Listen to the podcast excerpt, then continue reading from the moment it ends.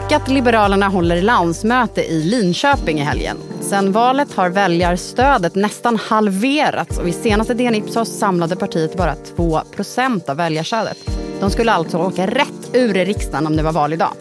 Och som vanligt hänger SD-frågan tungt över partiet.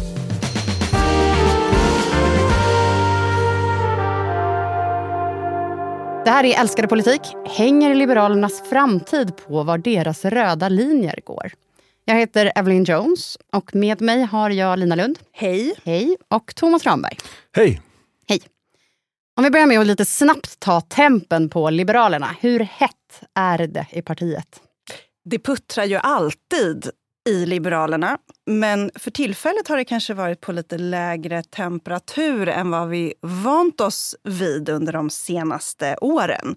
Även om man går kräftgång, som du säger, i, i opinionen så är man rätt nöjd med att ha fem ministrar i regeringen. Och ännu så har ingen eh, trilskande riksdagsledamot eh, röstat mot partilinjen. Och så är det rätt långt till nästa val också. Det puttrar. Thomas? Du frågade om temperaturen. Ja. Var det Frankenstein eller Fahrenheit eller Celsius eller Kelvin? Ja, det är väl så lite blaskigt. Mm. Eh, det går ju... De är lite som Lina är inne på, är de är glada att de finns fortfarande, men det är ju ingen entusiasm. Det är ganska svalt. Det är svalt. Och de har inte mycket att peka på som är så triumfer, utan de försöker hålla sig fast vid sin skolpolitik. Det är bråttom och vi liberaler har så mycket att göra. Att göra tillsammans. Att göra lokalt, nationellt, på Europanivå men också globalt. Om vi börjar med Johan Persson och hans ställningstagande som han gjorde i Expressen eh, häromdagen. Eh, där sa han att han inte kommer sitta i en regering med Jimmy Åkesson efter nästa val. Och att Jimmy Åkesson tycker att Johan Persson är en jobbig jäkel, säger Johan Persson. Alltså.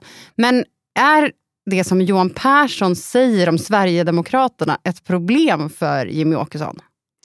Jag tror att Johan Persson önskar inget hellre än att han är en jobbig jävel för Jimmy Åkesson. Det mm. skulle ju så att säga bekräfta Perssons självbild av att han är det här liberala mittenankaret som håller emot de eh, nationalpopulistiska jäklarna eller vad han nu använder för mer städat liberalt uttryck mm. om sina motståndare.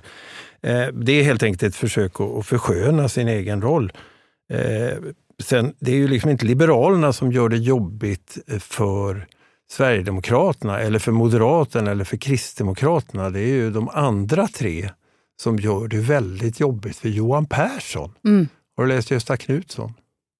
Pelle Svanslös? Ja, alltså Johan Persson han är som Pelle Svanslös som jagas av Måns och Bill och Bull. Sen kan du utse vem som är vilken. Ja, det håller jag för mig själv.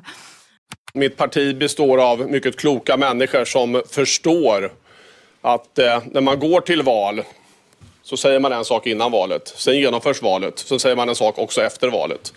Johan Persson låter ju alltså som att han har en röd linje här när han pratar med Expressen. Men det här är ju inte första gången som Liberalerna har stakat ut en röd linje. Kommer den här stå sig?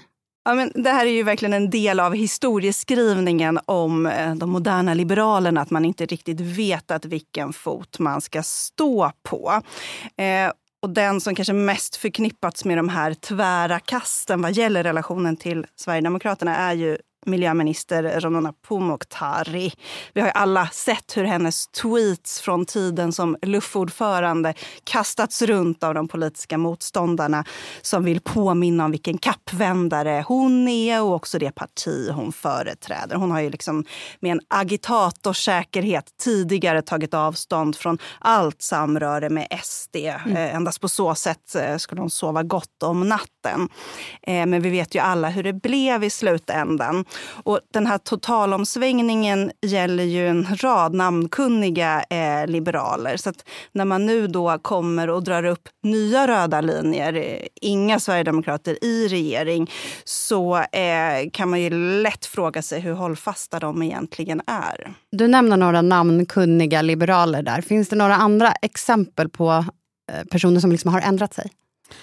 Ja, det gör det ju. Partisekreteraren eh, Gulan Avci är ju en person som ju ställde upp en del villkor som hon tyckte var viktiga för att man skulle arbeta med Sverigedemokraterna. Det finns andra som gjorde Man kan säga att deras landsmöte ställde upp villkor som sen inte infriades.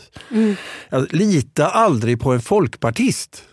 Det är, är det ja, det är sånt där gammalt, eh, en gammal devis som Moderaterna haft åtminstone ända sedan 1960-talet. Och nu kändes det ju som att Johan Persson också hade den devisen. Han litade liksom inte på sina egna mm. när man gick in i det här Tidösamarbetet. Det är rätt intressant när man läser det här inför landsdagarna här i helgen, eller landsmötet som det heter i det här partiet. Vi mm. kanske kan återkomma till det här sen, mm. varför de heter så olika saker. Men i, i handlingarna här inför landsmötet ska man läsa det så kallade granskningsutskottets betänkande. Det är de som ska se till att partiledningar och andra följer stadgarna de är rätt så arga på hur det gick till när man bestämde om Tidöavtalet. Det är inte acceptabelt att PS, partistyrelsens ledamöter, fick tillgång till texten först halvvägs in i partiledarnas direktsända presskonferens den 14 oktober. Alltså den presskonferens där de fyra partiledarna i Tidögänget la fram det här avtalet för allmänheten. Och 25 minuter innan hela avtalstexten fanns tillgänglig via TT utlagd av Sverigedemokraternas pressavdelning. Det låter lite hårt ändå. Ja, så att det var uppenbarligen inte så att Johan Persson litade på att hans partistyrelse skulle behöva ta ställning till eller kunna eller vara förmögen eller ha tid eller vad det nu var. Eh, till den här. Men det, alltså de, de röda linjerna man har frångått är ju inte bara att personer har ändrat sig. Det är mm. också en massa sakfrågor då, som man hade med sig in. Mm. Och, och, den viktigaste, bortsett från det här med visitationszoner och anonyma vittnen och, och invandringspolitiken där man ju faktiskt har gett sig så var det också så att man sa att vi skulle inte ha något fullskaligt budgetsamarbete med Sverigedemokraterna. Det skulle vara en borgerlig regering som kunde samarbeta med alla möjliga i riksdagen om budgeten. Det står alltså? Ja, det var ett villkor som man mm. hade med när man bytte ståndpunkt från att se Sverigedemokraterna som Liberalernas huvudmotståndare i politiken till en tänkbar samarbetspartner. Mm. Det gick ju ganska hastigt det också. Eh, men det fick man ju överge. Det är ett väldigt tätt och, och intimt budgetsamarbete. Ja. Så att det, jag håller med Lina. Eh, nya röda linjer äger begränsad trovärdighet när det gäller Liberalerna när valet närmar sig nästa gång. Då kommer det vara sånt där som överlevnad som är viktigt. Finns vi kvar i riksdagen? Hur ska vi göra för att rädda oss? Mm. Och Johan Persson har ju idag inget annat alternativ än att svara nej när han får frågor om att släppa in SD i regeringen. Även om många nog faktiskt misstänker att det här nejet är skrivet i, i blyerts. Och läser man hur han formulerar sig i den här Expressen-intervjun som du började med att hänvisa till så står det ju också uttryckligen att inom Liberalerna så påpekar man att det här nejet gäller tills vidare. Vilket innebär att man liksom öppnar för att kunna ändra sig igen. Eh, och det har blivit lite en paradgren i det här att gillar ni inte, gillar ni inte principerna så har vi andra.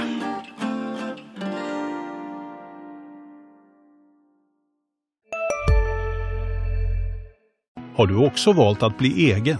Då är det viktigt att skaffa en bra företagsförsäkring. Hos oss är alla småföretag stora och inga frågor för små. Swedeas företagsförsäkring är anpassad för mindre företag och täcker även sånt som din hemförsäkring inte täcker. Gå in på swedea.se företag och jämför själv. Alltså äter du i duschen? Nej, det gör jag verkligen inte. Men alla gör ju det nu. Duschsnacks, Frans. Vilka alla? Ja, men alla på TikTok och bloggar och allt möjligt. Så det är, de har en tallrik i duschen och så är det lite så här oliver och ostbågar typ. Nej men gud, tapas. Där drar jag gränsen. Jag, jag kan sträcka mig till duschöl. Men annars så får man torka sig innan man hugger in på godsakerna. Ja, men lyssna på Nära vänner, en podd med mig Fanny och dig Frans med Expressen. Viktiga nyheter. Vad är det som skaver liksom mest i relationen mellan Sverigedemokraterna och Liberalerna? Ja, då måste man ju gå tillbaka en ganska kort tid. Mm. För inför valet 2018 drev ju den dåvarande partiledaren Jan Björklund och hans partiledning att eh, Sverigedemokraterna var det stora hotet mot den liberala demokratin. Det var Liberalerna som skulle vara de som tog fighten med det här hotet hårdare än någon annan. För det var Liberalerna som förkroppsligade denna demokrati som var så hotad, som har slagits för den i ett århundrade och så vidare. Va? Eh, så därför var det otänkbart. Man lovade till och med på, i, i sina barns namn och allt det här som Jan Björklund gjorde, att det här skulle man aldrig ge något inflytande till. Ja, sen gick det inte så lång tid. Så vände man och bestämde sig för att ja, men vi ska ge Sverigedemokraterna inflytande. Och det är ju det som skaver, hela den här självbilden som Liberalerna har av att de är ett idéparti som har så fasta principer och sen den där, eh, som Lina eh, antydde, Groucho Marxska inställningen att okej, okay, de kan vi väl byta om det behövs för att komma in i riksdagen nästa gång. Och en fråga som hakar i det här och som väl kommer eh, hamna i centrum eh, i början av nästa år är ju också partiernas ganska olika inställning till EU. Mm. Liberalerna är riksdagens eh, absolut mesta Europavänner. De vill ha euron som svensk valuta. Och väcker man en liberal i sömnen så kan han eller hon citera ur Schumandeklarationen. Sverigedemokraterna var ju tvärtom länge högljudda EU-motståndare och nu vill de ha någon typ av av utvärdering av medlemskapet. Och jag, bara, var, jag, var, jag var själv i Bryssel förra veckan och skulle lyssna på ett eh, planerat panelsamtal mellan Karin Karlsbro, alltså Liberalernas toppnamn där, och eh, Charlie Weimers, eh, Sverigedemokraternas dito. Men så blev det inte. Karlsbro gjorde någon form av omvänd Bengt eh, Westerberg. Istället för att storma ut från lokalen så stod hon och väntade ute i hallen till dess att Weimers talat klart och lämnat rummet. Och hennes stab sa att det var schemaskäl man gjorde så.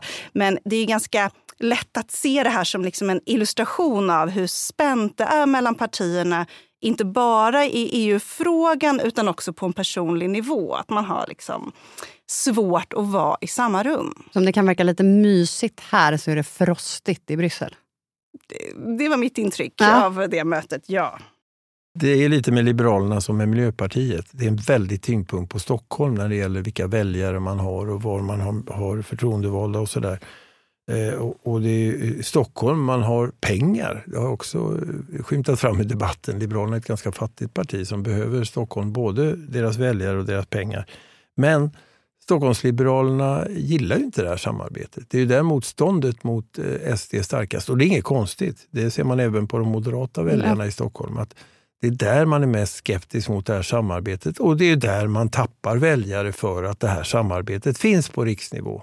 Och både liberaler och moderater, men moderater med lite behagligare avstånd till 4 spärren mm. slåss med detta problem. Just det, så det blir liksom problematiskt att man både förflyttar sina röda linjer men då kan man alienera sina Stockholmsväljare som är jätteviktiga. Ja, och dessutom så, menar, i motsats till i Moderaterna så eh, ägnar ju sig då Liberalernas ledare i Stockholms kommun att eh, öppet åt att kritisera ledningens inriktning. De har ju varit med och motarbetat att man gjorde den här 180 graders svängen till att samarbeta med Sverigedemokraterna. Och Jan Jönsson som är en viktig profil i Stockholm eh, fortsätter ju att argumentera emot detta och vill mm. ändra på det. Men finns det någonstans då där eh, SD och Liberalerna är liksom lika, där de tycker likadant? Ja, men, trots att de ju ändå kommer ur de här väldigt olika myllorna och står väldigt långt ifrån varandra när det gäller synen på vad som skapar ett gott samhälle så har man hittat några tillfällen och frågor att kroka arm i. Och konflikten mellan Israel och Hamas är ju ett sånt exempel där både Liberalerna och SD har krävt att regeringen ska liksom averkänna Palestina sin status som stat mm. Eh, på tvärs med vad den moderata utrikesministern tycker. Och eh, även skolpolitiken, det säger Johan Persson själv, är ett område där partierna drar ganska jämnt. Det handlar om att eh, få in mer läroböcker i skolan, fokus på ordning och reda. Man vänder sig båda mot den så kallade flumskolan till mm. exempel. Så de kan liksom kroka arm när det behövs i alla fall i vissa frågor?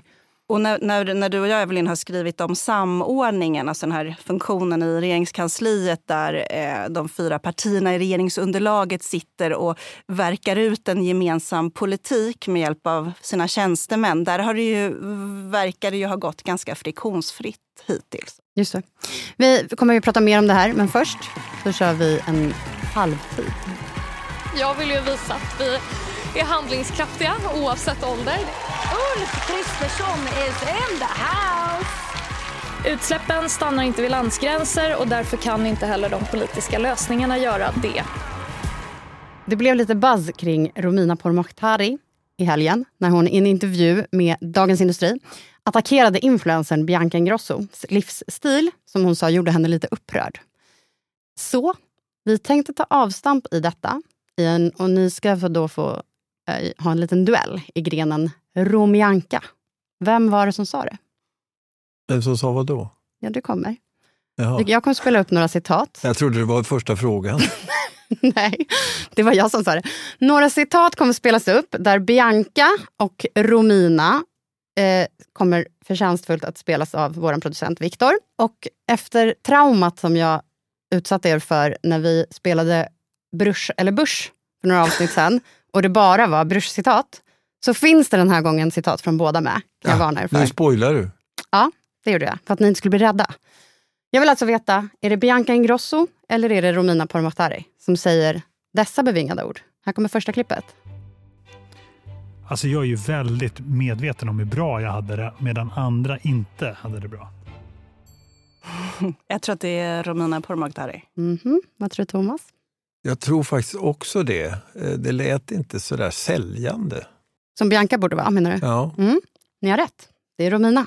1-1. Nästa klipp. Att någon annan hatar mig, det chockar mig inte riktigt för jag har i många perioder hatat mig själv ännu mer. Bianca Ingrosso. ja, det lät väldigt influenceraktigt tyckte jag. Mhm. Vad- Det är din stora erfarenhet av influencers som talar. Ja, man vill vända ut och in på sig själv och vara lite psykisk. Det var Bianca. Helt rätt. Nästa. Jag har enorma krav på mig själv. Jag vill aldrig luta mig tillbaka utan alltid bli bättre på allt jag gör. Ibland tar de kraven över. Romina Pourmokhtari.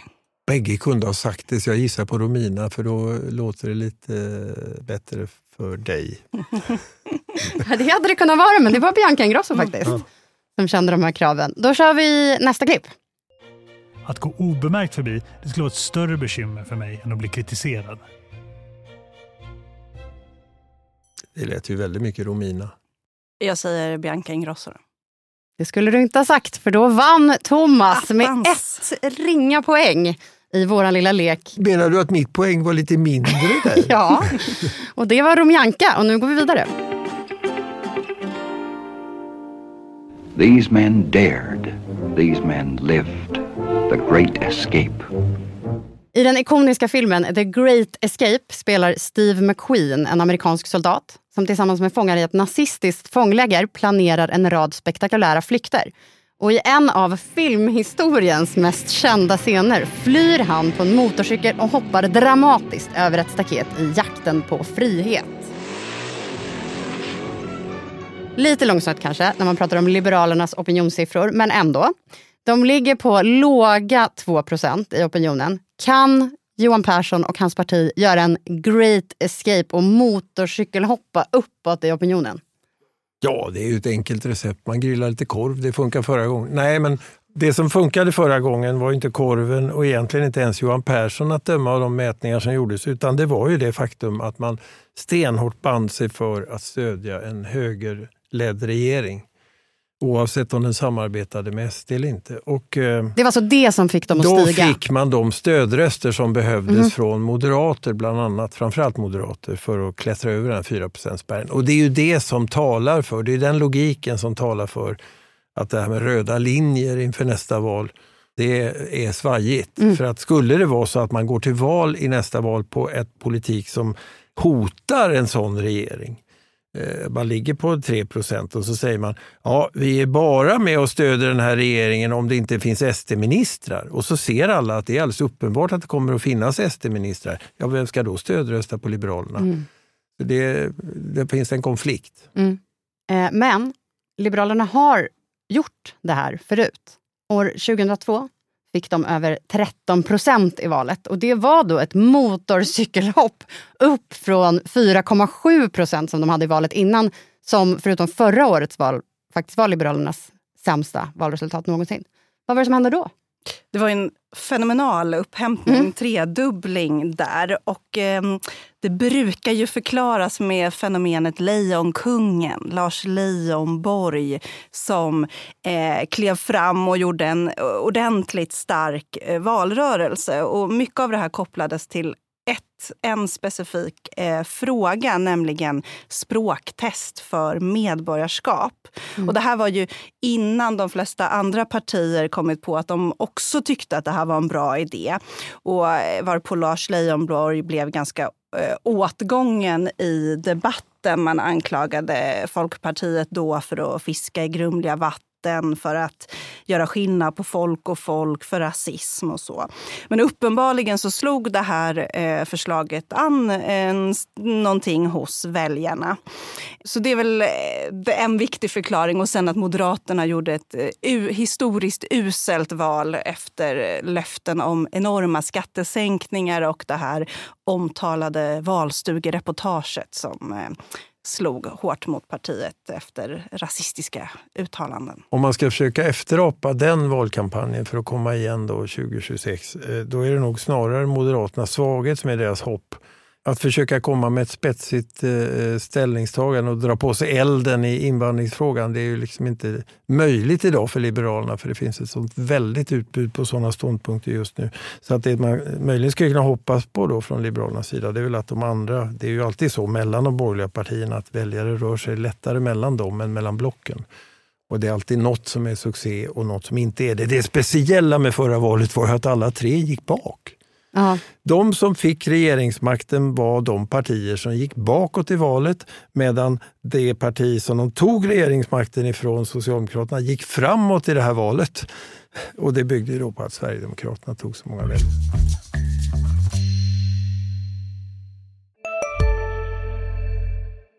Hej, Synoptik här. Hos oss får du hjälp med att ta hand om din ögonhälsa. Med vår synundersökning kan vi upptäcka både synförändringar och tecken på vanliga ögonsjukdomar. Boka tid på synoptik.se. Hej, Susanne Axel här. När du gör som jag och listar dig på en av Krys vårdcentraler får du en fast läkarkontakt som kan din sjukdomshistoria. Du får träffa erfarna specialister, tillgång till lättakuten och så kan du chatta med vårdpersonalen. Så gör ditt viktigaste val idag, lista dig hos Kry. Det svajar, det har vi varit inne på. Tidigare så har man ju kickat toppnamnet när det svajar. För att vi ska bli det nya Sverige krävs mycket av oss alla. Jag ser ännu vägen framför mig. Men jag ser också att det inte längre är jag som ska gå i första ledet. Nyamko Sabuni avgick ju eh, inte långt före valet egentligen, i våras, förra året. Eh, hur säkert sitter Johan Persson? tror jag inte alls säkert. Nej. Eh, Sabuni fick ju aldrig chansen att genomföra ett val ens. Eh, Johan Persson har ju internt fått äran för att man klarade 4 spärren. Mm. Och, ja, som vi har varit inne på så kan man diskutera om det verkligen var hans förtjänst. Men bytet verkade viktigt ändå på något sätt. Någon slags man, förnyelse? Ja, att eh, Sabuni var så impopulär helt mm. enkelt. Eh, men eh, om det är så att siffrorna är låga för Liberalerna och man närmar sig nästa val, då kommer de få frossa på alla möjliga vis. Och I den frossan kan även partiledare ryka, inte bara röda linjer. Om man går till handlingarna Alltså eftervalsanalysen så är ju partiet väldigt nöjda med Johan Perssons insatser i att man eh, räddade kvar partiet eh, i riksdagen. Och de skriver att hans energi och personlighet skapade entusiasm i partiorganisationen. Vi slutade att bråka och förde fram vår politik. Johan Perssons humor och folklighet fick uppmärksamhet i media som Killen vid grillen-uppslag. Det låter som jag när jag kommer in i poddstudion. Men jag tror att det speglar, eh, deras valutvärdering speglar den interna stämning som eh, så att säga förbättrades när det blev den här glada gamejingen istället för den här omstridda ledaren som var förut och alla strider som förknippades med att Saboni vände partiet. Men när man väl sitter i regering nu så är ju inte Johan Persson i, i många ögon det starkaste ministerkortet. Och Det är inte heller så att de har någon riktigt stark sak att driva regeringen. Deras främsta det är den klassiska liberala frågan, skolfrågan. Eh, Lotta Edholm, skolministern, det är väl hon som liksom driver någonting som kan föreställa en liberal profil. Hon får igenom en skolpolitik som är, skiljer sig från den som Moderaterna har. Hon vill gå lite hårdare åt eh, friskolebolagen, ha lite striktare regler, mer kontroll eh, Eh, till och med stoppa vinstutdelning under vissa villkor, vilket är intressant med tanke på att Liberalerna här är ju Liberalerna lite som pyromanen som ringer på brandkåren. Det var ju de som förut stod för en stor frihet på den här marknaden och som i januariavtalet var med och drev igenom att man ska inte ens få tänka tanke på att begränsa vinsterna. Men nu har man svängt under intryck av borgerliga väljargrupper. Mm. Och där har man väl kanske en chans att göra ett visst avtryck. Men det där kommer ju så sent så det kommer inte ens att märkas innan den här mandatperioden är slut i verkligheten. Nej. Och det är inte Johan Persson? Nej, just det. Men det, det, ja, jag är inte säker på att låta Edholm bli partiledare efter Johan Persson. Men, men alltså, det, det, är bara för, det är inte Johan Persson som är liksom den framträdande ministern som gör de stora avtrycken i folks verklighet eller i de politiska besluten. Finns det då de som liksom vill se en riktningsförändring inom Liberalerna idag? Det gör det ju alltid i Liberalerna. Det brukar heta att, att vara liberal är att vara kluven. Och det gäller ju inte bara synen på framtida samarbete med Sverigedemokrater utan också hur man ska tackla de här problemen. Johan Persson har ju själv talat om behovet av både stålhandskar och Lovikkavantar. Och där går väl också en, en skiljelinje i partiet. Vi har Socialliberalerna som vill se mer fokus på inkluderande tolerans, omhändertagande och de som vill ha tydligare krav och mer fokus på eget ansvar. Eh, Thomas nämnde Jönsson i Stockholms stadshus som är ett exempel på en som gärna skulle se en kursändring i, i, i partiet. Mm. Samtidigt är ju Alltså, placerar sig liberala väljare helt klart till höger i politiken. Eh, betydligt mer nu än vad man gjort i, i tidigare riksdagsval om man tittar på vallokalsundersökningar. Eh, och när jag pratar runt i partiet så upplever jag ändå inte att det är en väldigt aktiv diskussion om en sådan kursändring. Jag vet inte hur du uppfattar det? Nej, jag, jag uppfattar det som att oppositionen känner sig ganska slagen och svag. och inte har något, De har ännu mindre självförtroende än partiet som helhet. så att säga. Eh, och möjligen tänker väl de som är, eh, en del av dem, de som inte har slutat eller tröttnat eh, och blivit passiva, att vi ska komma igen senare, men just nu är det inte läge för det. Och det är klart, skulle det bli ett valnederlag för högersidan 2026, då kommer ju den interna diskussionen i Liberalerna att bli en helt annan. Då har man ju verkligen ett läge för att omvärdera. Då har man ju så att säga inte bara eh, då gjort något väldigt jobbigt utan också misslyckats med att behålla den där regeringen.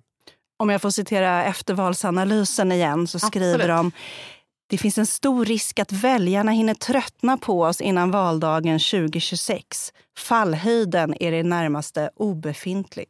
Ja, just det. Ja, det får man ju säga om man är på 2% kanske. Det är inte så stor. Var inte det lite så här, en motsättning i det uttalandet? Att man, man, man, först så låter det som man hade väljare och sen säger man i nästa mening, vi har nästan inga väljare. så vilka ska tröttna på dem? Det är ingen tröskel att falla från. Och det var det vi hade för idag. Men innan vi slutar så måste vi göra en rättelse. I förra avsnittet degraderade vi Vänsterpartiets Ida Gabrielsson som vi kallade för partisekreterare.